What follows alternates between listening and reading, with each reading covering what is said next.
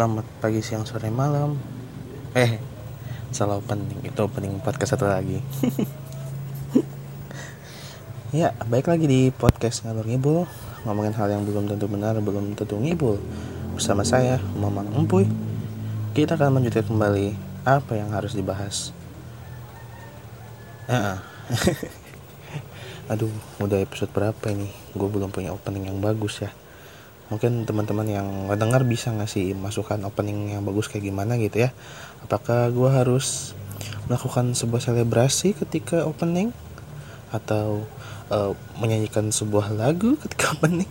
Nggak tahu juga. Bisa ngasih usul ya? Boleh silahkan. Ya tadi ininya kita akan lanjut pembelajaran uh, via podcast. Karena kembali uh, pandemi belum usai sekolah masih online mengajar masih susah. Tahu sendiri gue adalah tipe orang yang paling kurang suka ngajar via uh, video conference. Ya masih tetap dengan alasan yang sama. Uh, kita akan lanjutkan podcast ini gitu ya. Jadi mungkin membuat kalian yang masih belum sadar ya uh, podcast ngalor ngibul itu memang podcast yang random. Tapi uh, dari awal episode sampai sekarang isinya tentang PKN semua politik semua. Iya memang karena memang itu yang random. Mungkin ke depannya setelah pandemik uh, dan uh, semua urusan ini selesai gitu ya podcast ini kan tetap ada gitu. Tapi akan mencari topik-topik lain. Makanya mungkin kalian yang suka ngedengerin podcast ini bisa ngasih masukan mau ngomongin apa gitu ya karena hidup ini tidak selalu tentang politik dan bermasalah gitu ya. Nah kita akan lanjut tentang materi di Civil Edu Series di mana si series ini adalah series yang isinya tentang PPKN ya. E, sebenarnya tentang PPKN di kelas SMA gitu kelas 10, 11 dan 12 gitu. Kebetulan gue lagi ngejar di kelas 10, 11 dan 12 jadi ya isinya tentang uh, materi kelas 11 dan 12 dan sekarang gue akan melanjutin materi pelajaran kelas 11 yang mungkin minggu kemarin kemarin kemarinnya lagi ya. Gue udah ngejelasin tentang uh, sistem hukum dan peradilan di mana apa itu hukum ya dan kenapa hukum itu harus kita laksanakan ya dan apa unsur-unsur hukum gitu gitu kan. Uh, mungkin mau gue review kembali hukum itu kan adalah sebuah mm, bagian dari norma di masyarakat di mana dia punya posisi yang paling tinggi paling tinggi loh di masyarakat. Uh, karena paling tinggi akhirnya dia dianggap sebagai sebuah uh, tatanan yang harus ditegakkan. Karena Kenapa dia dianggap sebagai sebuah tatanan yang tegakkan? Karena dia punya sistem yang tegas, punya sanksi yang tegas, punya pengaturan yang paling formal di antara norma-norma yang lain. Ya bisa dengar sebelumnya lah ya. Uh, dan unsur hukum terdiri atas uh, hukum adalah sebuah uh, peraturan mengenai tingkah laku manusia dalam pergaulan. Hukum itu adalah peraturan yang dibuat dan ditetapkan oleh badan-badan resmi yang terkait uh, peraturannya bersifat memaksa dan punya sanksi yang tegas. Ya mungkin bisa didengarkan di podcast sebelumnya gitu. dan sekarang gue mau ngelanjutin uh, pembahasan tentang hukum. Dan disclaimer dulu gue bukan anak hukum. Gue bukan anak uh, apa namanya bukan anak yang cukup mengerti tentang undang-undang. Karena ngomongin hukum undang-undang itu sebenarnya cukup sulai gitu ya. Kebetulan abangnya bukan abang-abang yang ngerti banget gitu ya. Cuma tahu beberapa doang gitu. Makanya kalau misalnya ada yang salah-salah dikit bolehlah kita diskusi. Karena inilah adalah ngalor ngibul.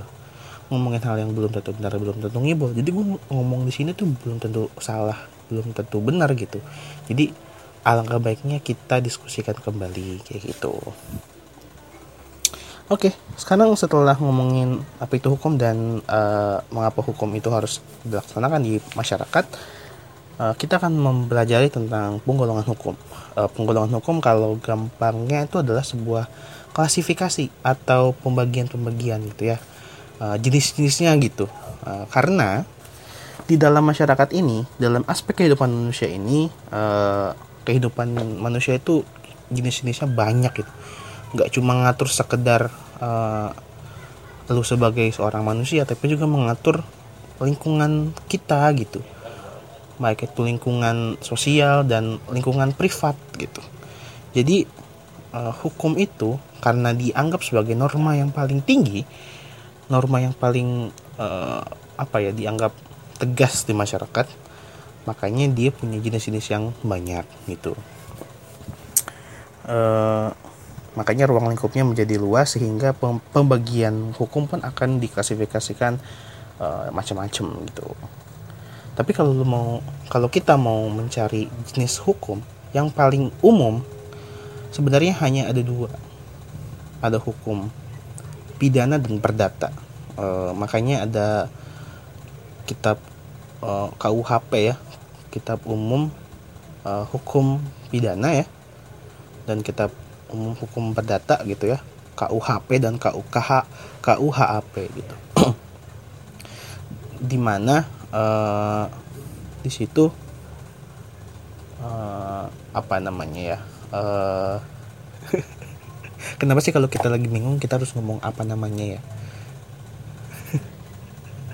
Oke okay, uh, jadi gambaran sebenarnya adalah uh, hukum ini sebenarnya intinya itu punya dua bagian. Ada bagian yang tugasnya untuk memberikan sanksi ada ada hukum yang tugasnya tuh untuk mengatur aja. Nanti mungkin akan dijelasin beberapa. Dan mungkin ada contoh-contoh yang mirip-mirip namun uh, punya istilahnya tuh wujud yang berbeda-beda pengklasifikasi yang berbeda-beda. Uh, ya kita mulai. Yang pertama ada hukum berdasarkan sumbernya. Berdasarkan sumbernya berarti uh, hukum ini muncul dari sumbernya ini gitu loh. Yang pertama hukum undang-undang berarti hukumnya bersumber dari sistem perundang-undangan yang ada di sebuah negara. Contohnya Indonesia, Indonesia uh, sumber hukumnya adalah Pancasila, sumber dasar hukumnya, itu kan uh, Pancasila kemudian diturunkan menjadi undang-undang dasar, menjadi undang-undang, menjadi peraturan daerah dan lain-lain. Itu adalah sistem yang muncul dari uh, perundang-undangan di Indonesia dan hukum yang muncul hukum undang-undang yang muncul ya tadi hukum undang-undang yang uh, berasaskan Pancasila kayak gitu. Kemudian hukum kebiasaan. Hukum yang terletak dalam aturan-aturan kebiasaan. Jadi berasal dari kebiasaan-kebiasaan masyarakat. Atau contohnya adalah eh, peraturan-peraturan yang sifatnya itu uh, apa ya? Sifatnya tuh ke, kebiasaan aja gitu. Biasanya nggak terlalu formal dan uh, ada di masyarakat sekitar gitu. Contohnya ya norma-norma sosial yang ada di kita gitu ya. Norma kesusilaan, norma keagamaan, Eh, norma adat terutama ya karena itu berasal dari kebiasaan-kebiasaan masyarakat masing-masing. Contohnya orang Sunda kan punya apa itu? Punya istilah namanya pamali. Ya, tahu pamali nggak? Itu loh suaminya Bu Mali. Tidak dong, masa saudarinya, masa suaminya Bu Mali. Bapaknya. ya, pamali itu kan istilahnya kayak uh, sebuah pantangan gitu. Misalnya kayak uh, zaman dulu tuh ada pembeli gini jangan anak kecil kalau maghrib maghrib gak boleh keluar gitu.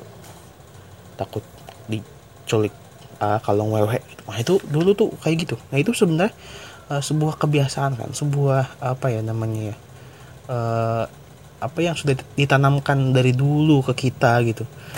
Di mana kita tuh nggak boleh uh, apa ngelanggar aturan itu gitu. Padahal istilahnya itu mau dibilang hukum ya bukan itu hanya kebiasaan hanya sebuah adat aja atau sebuah apa namanya tadi kepamalian gitu apa yang namanya sebuah larangan dan lain-lain. Ya tujuannya sebenarnya uh, untuk menjaga kita dari para bahaya dan lain-lain gitu.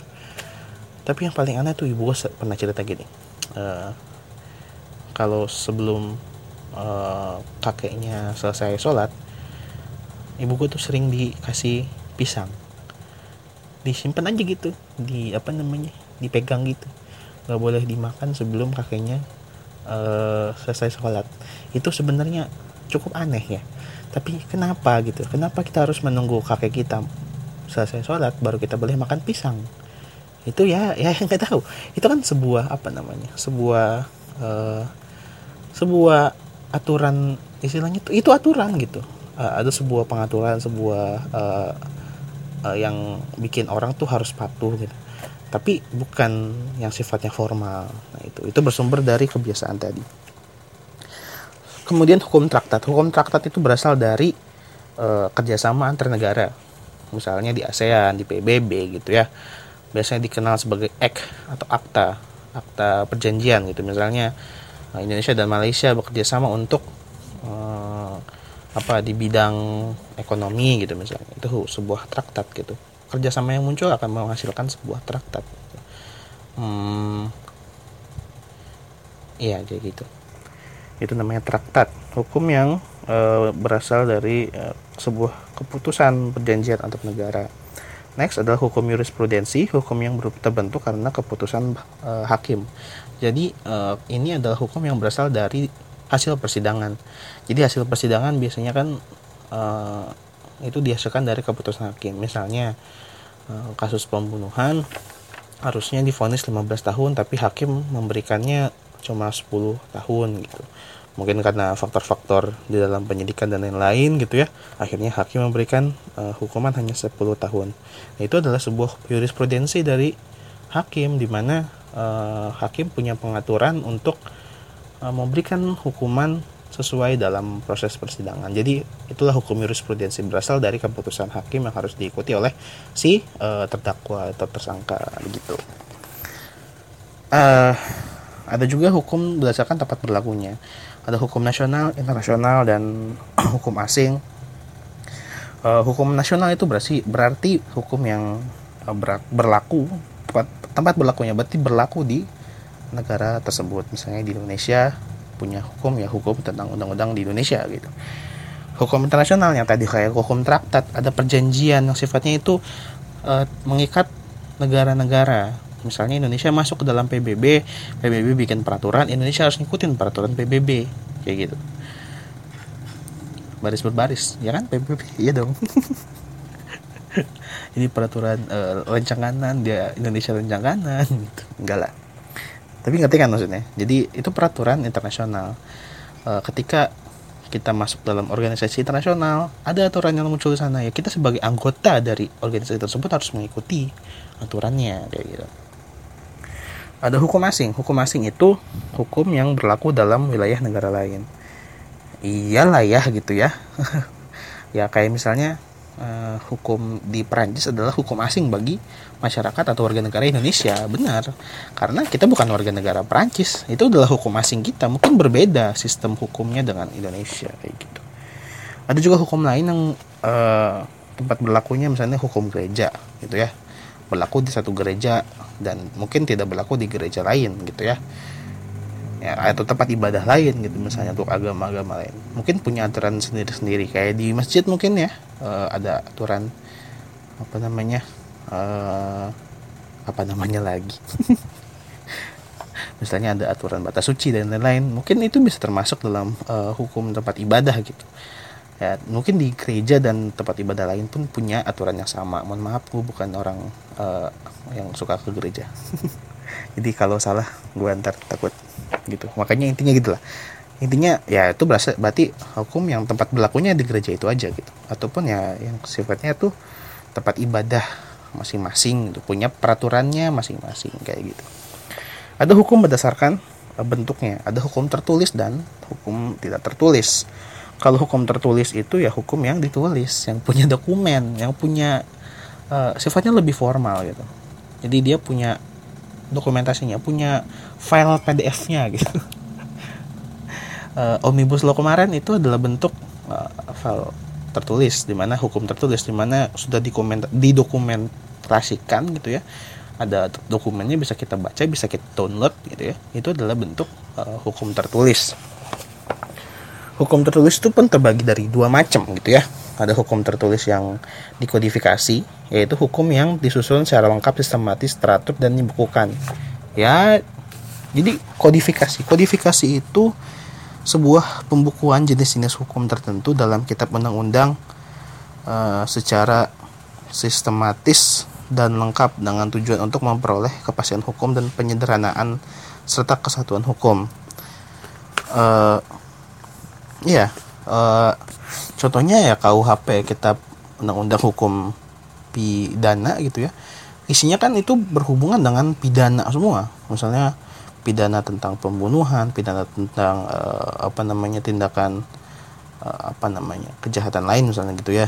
Tentang perampokan pencurian apa namanya uh, penipuan dan lain lain. Sebenarnya kan itu beda-beda aturannya.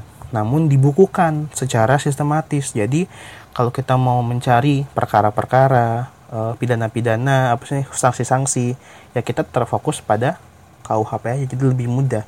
Pun dengan masalah omnibus law kemarin di mana undang-undang-undang yang ada gitu ya disatukan dalam satu file yang sama jadi muncullah sebuah apa namanya kitab baru bukan kitab apa sih namanya kumpulan undang-undang baru yang disebut dengan omnibus law gitu. Ya tujuan untuk untuk menyederhanakan jadi lebih jelas gitu uh, apa namanya sumber uh, pengambilan perkara dan lain-lain gitu. Jadi uh, ngambil keputusan lebih mudah dan lebih cepat juga untuk melaksanakan uh, proses penanganan hukum kayak gitu. Itu hukum tertulis yang dikodifikasikan. Ada juga yang tidak dikodifikasikan adalah yang tidak sistematis yang masih terpecah-pecah. Ya contohnya kayak undang-undang uh, peraturan pemerintah keputusan presiden. Istilahnya itu kan sifatnya itu masih belum disusun gitu loh uh, mau nyontohin mau nyontohin sebenarnya ini contoh paling gampang sebenarnya. Uh, kita analogikan. Di Jepang ada yang namanya Week, Weekly Shonen Jump. Kenapa jadi komik ya? Itu adalah kumpulan komik-komik yang masih terpecah-pecah. Jadi dalam satu minggu itu Naruto misalnya One Piece uh, Black Clover gitu ya dia itu update misalnya nah itu masih disebut belum dikodifikasikan. Nah kalau dikodifikasikan itu Eh, majalah-majalah itu disatukan masing-masing ke satu judul. Itu namanya uh, mang mangga mangga apa sih namanya? Tangkubon atau ya kumpulan manga. Ya sama seperti undang-undang gitu. Karena ini sifatnya dokumen kalau misalnya yang tidak dikodifikasi uh, ya hukum atau peraturannya itu masih berpecah-pecah gitu kalau misalnya sudah dikodif sudah dikodifikasi sifatnya sudah kesatuan gitu nah kayak gitulah uh, susah ngegambarin ya lah. Eh pokoknya itulah. Pokoknya kalau dikodifikasi sudah disusun, kalau tidak dikodifikasi belum disusun masih terpecah-pecah. Itu makanya uh, kalau kita mau ngelihat undang-undang gitu ya, kita kan suka bingung ya undang-undang nomor berapa nih, nomor berapa nih. Ya karena masih belum tersusun dengan uh, rapi gitu. Belum ada pasal-pasal yang berurutan gitu. Itu contoh hukum tertulis. Kalau hukum tidak tertulis, ya hukum yang tidak tertulis tidak punya dokumentasi hanya sekedar kesepakatan gitu ya.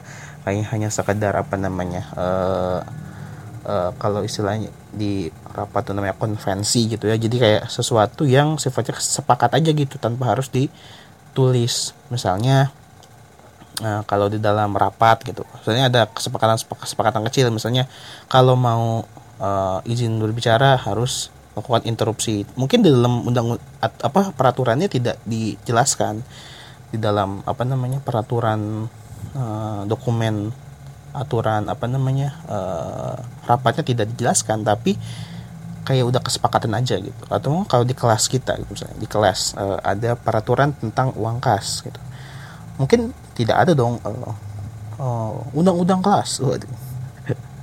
Pasal satu uang kas pasal 1 ayat 1 uang kas di kelas 12 IPS 1 berjumlah 50.000 per hari. Enggak itu enggak ada kan dokumennya kayak gitu. Jadi cuma sekedar apa namanya kesepakatan um, anggota masyarakatnya aja kayak gitu. Uh, jadi uh, hukum tidak tertulis itu hukum yang hidup dan diyakini oleh warga masyarakat serta dipatuhi dan tidak dibentuk menurut prosedur formal tetapi lahir dan tumbuh di kalangan masyarakat itu sendiri yes Next, ada hukum berdasarkan waktunya. Ada hukum positif dan hukum negatif. Hukum positif itu hukum yang sifatnya sudah berlaku. Jadi hukum positif hukum yang aktif. Jadi undang-undang atau peraturan-peraturan lain sudah bisa dijalankan oleh masyarakat Sedangkan hukum negatif itu hukum yang belum disahkan, belum dijalankan oleh masyarakat. Gampangnya, hukum positif itu adalah undang-undang contohnya. Kalau hukum negatif adalah rencana undang-undang RUU. Kalau undang-undang berarti sudah bisa dijalankan, harus diikuti. Kalau hukum negatif masih rencana, bisa kita evaluasi bisa kita ubah-ubah bisa kita atur kembali agar setelah jadi undang-undang bisa berjalan sesuai dengan apa yang kita inginkan jadi gitu hukum positif namanya ius constitutum. Kalau hukum negatif namanya ius, ius constituendum. Nomor 5 berdasarkan cara mempertahankannya. Uh, sebenarnya ini agak apa namanya ya agak abu-abu juga gitu ya. Tapi intinya ada dua jenis hukum berdasarkan cara mempertahankannya. Yang pertama hukum material. Hukum yang mengatur hubungan antara anggota masyarakat yang berlaku umum tentang hal-hal yang dilarang dan diperbolehkan untuk dilakukan. Di sini mempertahankan materinya, makanya dibilang hukum material. Contohnya hukum pidana, hukum perdata, hukum dagang.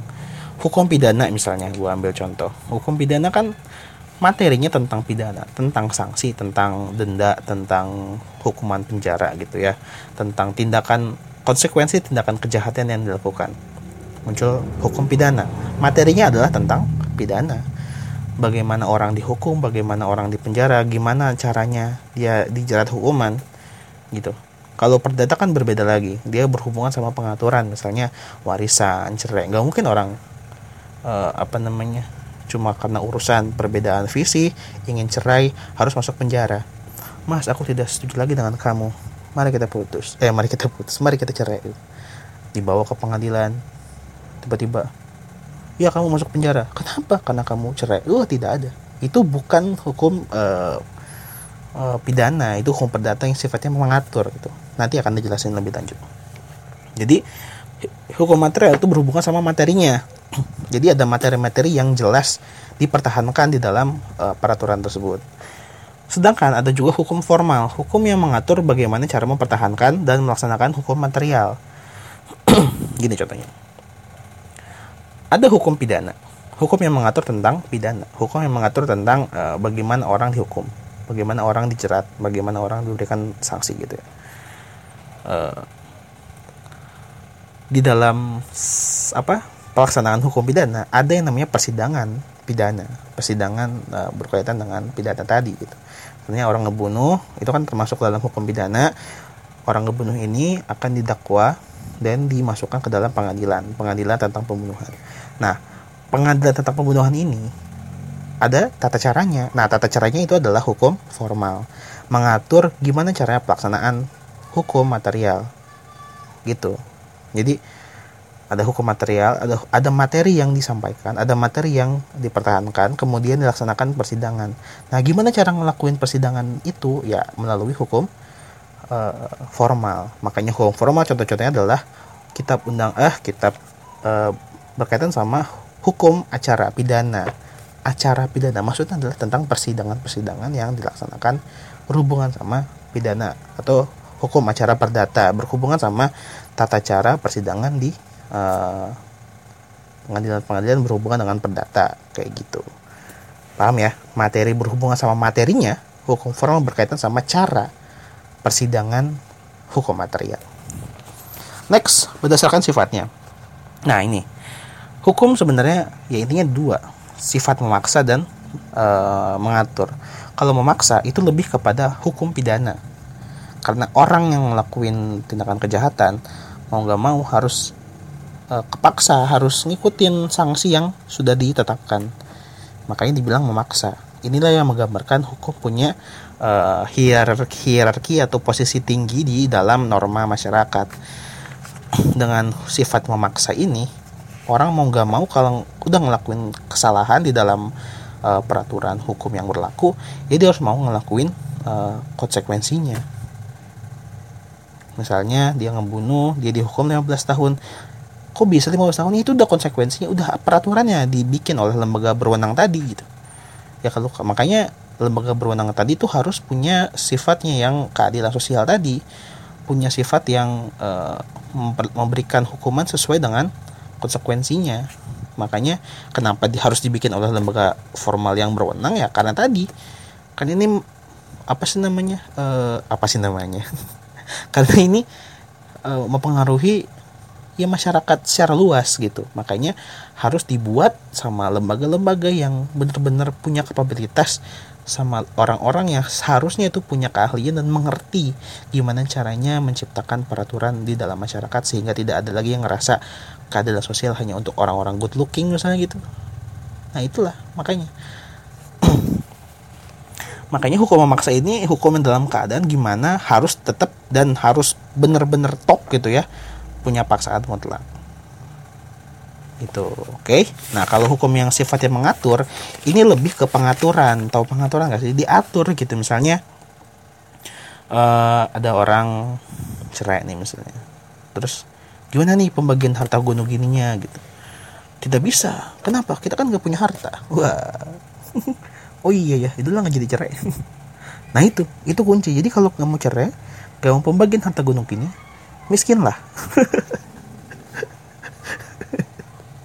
enggak lah bom uh, jadi hukum yang mengatur itu misalnya tadi gitu ada yang cerai mengatur uh, pembagian mengatur pembagian apa namanya pembagian uh, hartanya atau enggak misalnya berhubungan sama warisan gitu ya.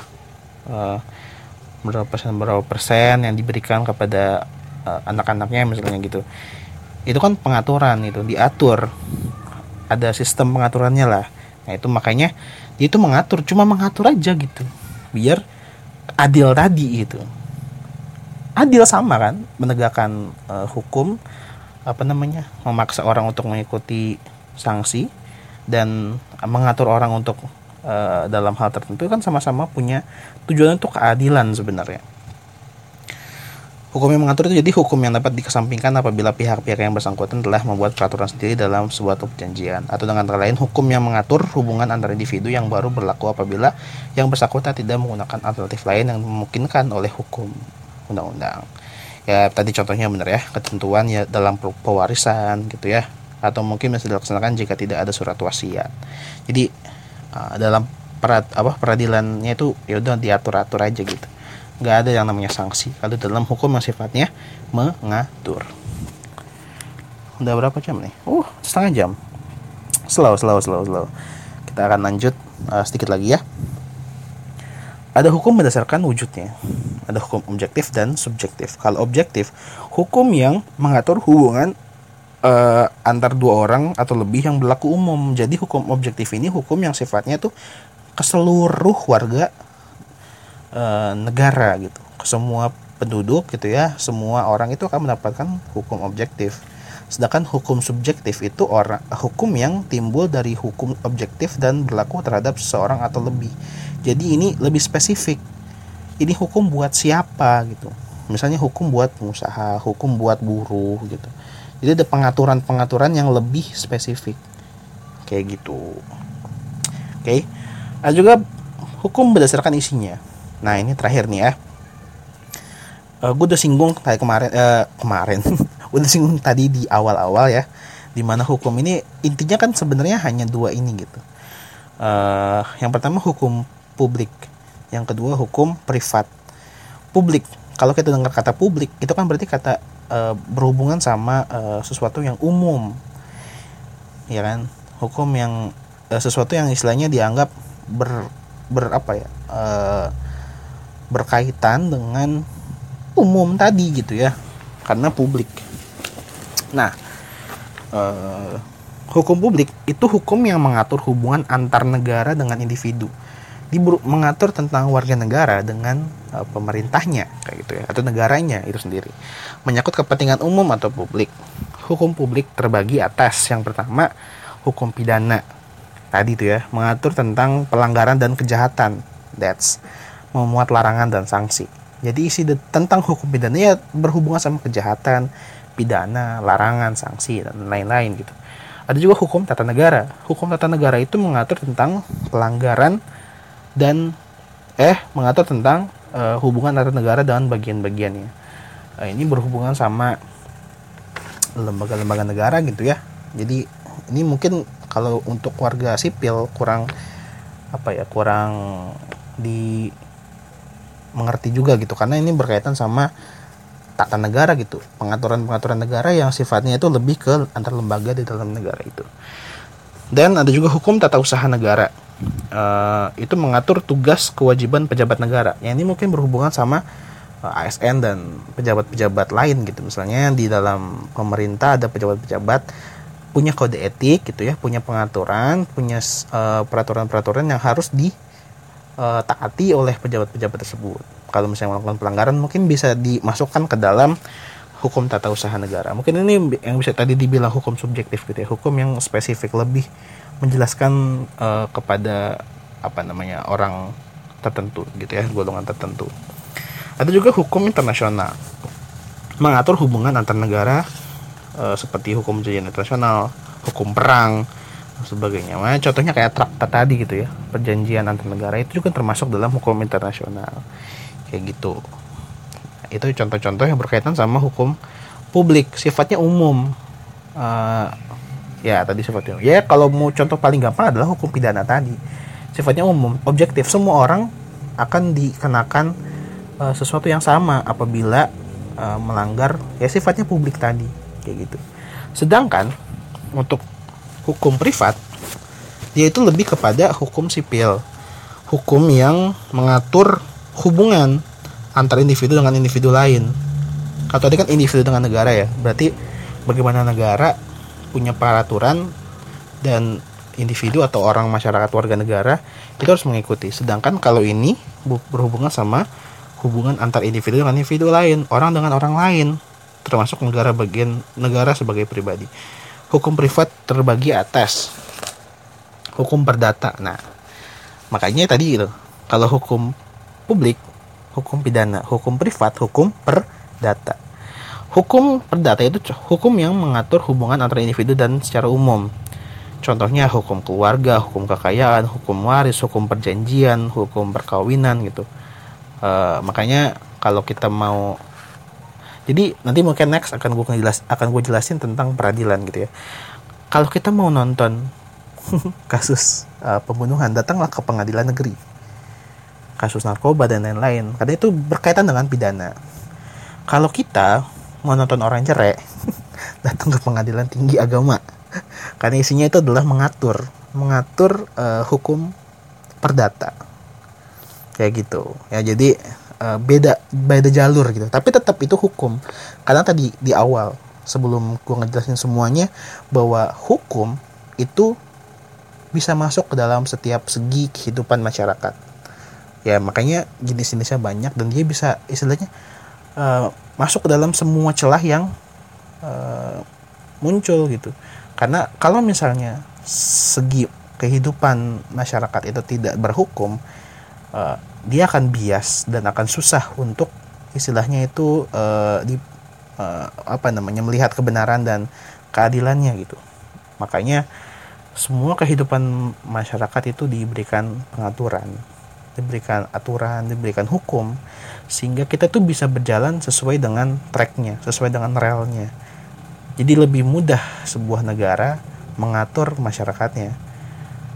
Inilah kenapa uh, mungkin kalau lu mikir kok presiden bisa gitu ya ngatur warga negara segitu banyak. Nah ini melalui hukum ini, peraturan ini pejabat, pemerintah, penguasa membuat sebuah rel, sebuah jalan, sebuah trek yang itu bahkan lebih mudah sehingga bisa ketahuan uh, apa namanya uh, jalannya masyarakat yang berkaitan sama uh, hukum pidana nih. Kalau masyarakat terus berjalan di dalam relnya, tidak melakukan sebuah tindakan penyimpangan gitu ya, kalau keluar dari relnya, itu kan tidak akan terjadi apa-apa. Kalau misalnya ada orang berjalan tidak tidak di atas relnya misalnya uh, dia harusnya berperilaku baik teh dia malah melakukan tindakan kejahatan kan ketahuan tuh oh dia dia nggak ada di relnya nih akhirnya ya dia bisa di apa istilahnya tuh diberikan eh, uh, sanksi. Oh lu nggak berada dalam jalur lo gitu. Ya lu ngelanggar. Ya lu harus dihukum gitu. Itu makanya negara terlihat sangat mudah gitu sebenarnya. Kalau kalau kita mau berpikir gitu ya di mana sebenarnya negara bisa lebih mudah mengatur uh, warga negaranya apabila punya hukum dasar hukum yang baik. Sebenarnya Indonesia punya dasar hukum yang baik Pancasila. Pancasila punya lima sila berkaitan sama semua aspek di dalam masyarakat. Namun baik lagi pelaksanaannya yang mungkin masih belum sempurna, belum baik, sehingga kita sering banget ngelihat keadilan sosial hanya untuk orang-orang tertentu. Sehingga kita sering bilang eh, apa namanya hukum tumpul ke bawah, eh tumpul ke bawah, hukum tumpul ke atas dan tajam ke bawah. Terus eh, keadilan sosial hanya untuk orang-orang yang good looking gitu ya. Sering banget tuh di media sosial gitu, di mana eh, kalau misalnya ada orang ngelakuin pembunuhan sering banget tuh jadi meme kan? Tapi pas dilihat tersangkanya cakep. Oh nggak apa-apa. Mungkin dia lagi mental health. Apa? Yang ngebunuh ngebunuh aja. Kasih hukuman. Kok perlakuan kita sebagai masyarakat membeda-bedakan gitu? Kalau misalnya ada orang ngebunuh nih ada orang ada ada satu ada dua orang. Yang satu cakep yang satu burik. Ngakuin tindakan yang sama membunuh.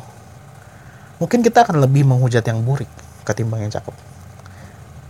Makanya yang tadi eh, hukum di Indonesia ini belum adil ya karena mungkin dari masyarakatnya eh mungkin dari pejabatnya sendiri atau penguasanya atau dari kita sebagai masyarakatnya yang melanggengkan itu tadi. Makanya keadilan sosial bagi seluruh rakyat Indonesia menjadi sangat berat sekali PR-nya di mana itu adalah sebuah dasar hukum yang sebenarnya uh, harus dipijak lebih awal sebelum kita membuat undang-undang yang lain. Ini jadi masalah buat kita kayak gitu. Jadi segala penggolongan hukum tadi intinya semua sama. Ya untuk membuat keadilan sosial tadi, keadilan di masyarakat. Berbagai macam hukum yang tadi kalau misalnya tidak dijalankan dengan baik, mungkin akan muncul kecemburuan sosial, eh, masalah sosial, apa namanya ya tadi apa namanya ya tadi muncul muncul kasus-kasus yang tidak diharapkan di masyarakat. Sehingga ya, balik lagi muncul apa namanya ketidakpercayaan terhadap uh, penguasa dan lain-lain uh, konflik antar golongan dan lain-lain. Wah dampaknya semakin besar. Jadi makanya uh, hukum memang harus ditegakkan sebaik-baiknya seadil-adilnya. Eh itu mungkin uh, penjelasan gue tentang hukum penggolongan hukum gitu ya. Mungkin next gue akan coba ngejelasin tentang uh, apa namanya uh, tata hukum di Indonesia jenis-jenis lembaga hukum yang seharusnya dijalankan di Indonesia kayak gitu. Oke mungkin cukup segitu. Apakah penjelasan uh, mengenai penggolongan hukum gue ini sudah benar? Atau belum? Silahkan kalian diskusikan dan inilah podcastnya Lord Nibul.